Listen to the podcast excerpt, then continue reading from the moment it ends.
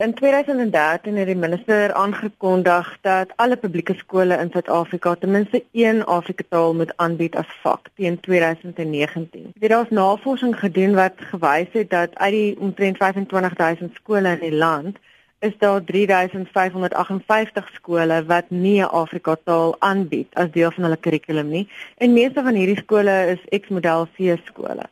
So, ehm um, na daai aankondiging van die minister is daar 'n loodstudie gedoen in hierdie spesifieke skole om te kyk wat moet gedoen word sodat hierdie skole kan begin om een Afrika taal aan te stel.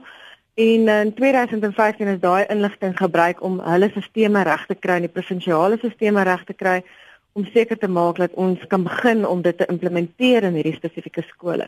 So in 2016 was daar klaar 842 skole uit daai groep uit wat dit begin implementeer het en waar ons nou sit is daar 973 skole wat dit implementeer.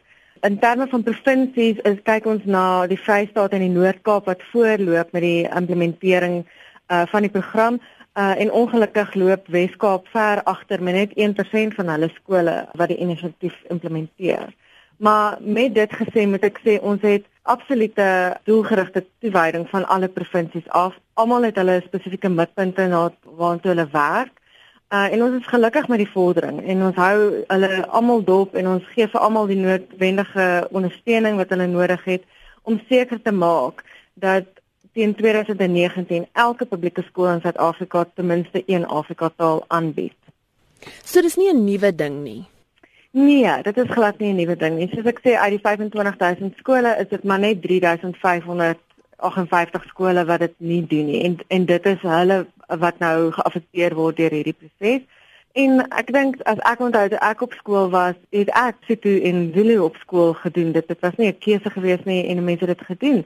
So ek dink algeheel is dit nie nie in die stelsel nie. Dit is maar net om almal te kry om dit saam te doen. Ek dink in in Suid-Afrika wat 'n jong demokrasie is, is dit belangrik vir ons almal as elke Suid-Afrikaner om saam te werk om sosiale samehang te bereik. En taalvaardigheid in enige vorm is net 'n bonus vir enige iemand en en dit is net 'n positiewe punt vir enige iemand om in meer as een taal te kan kommunikeer.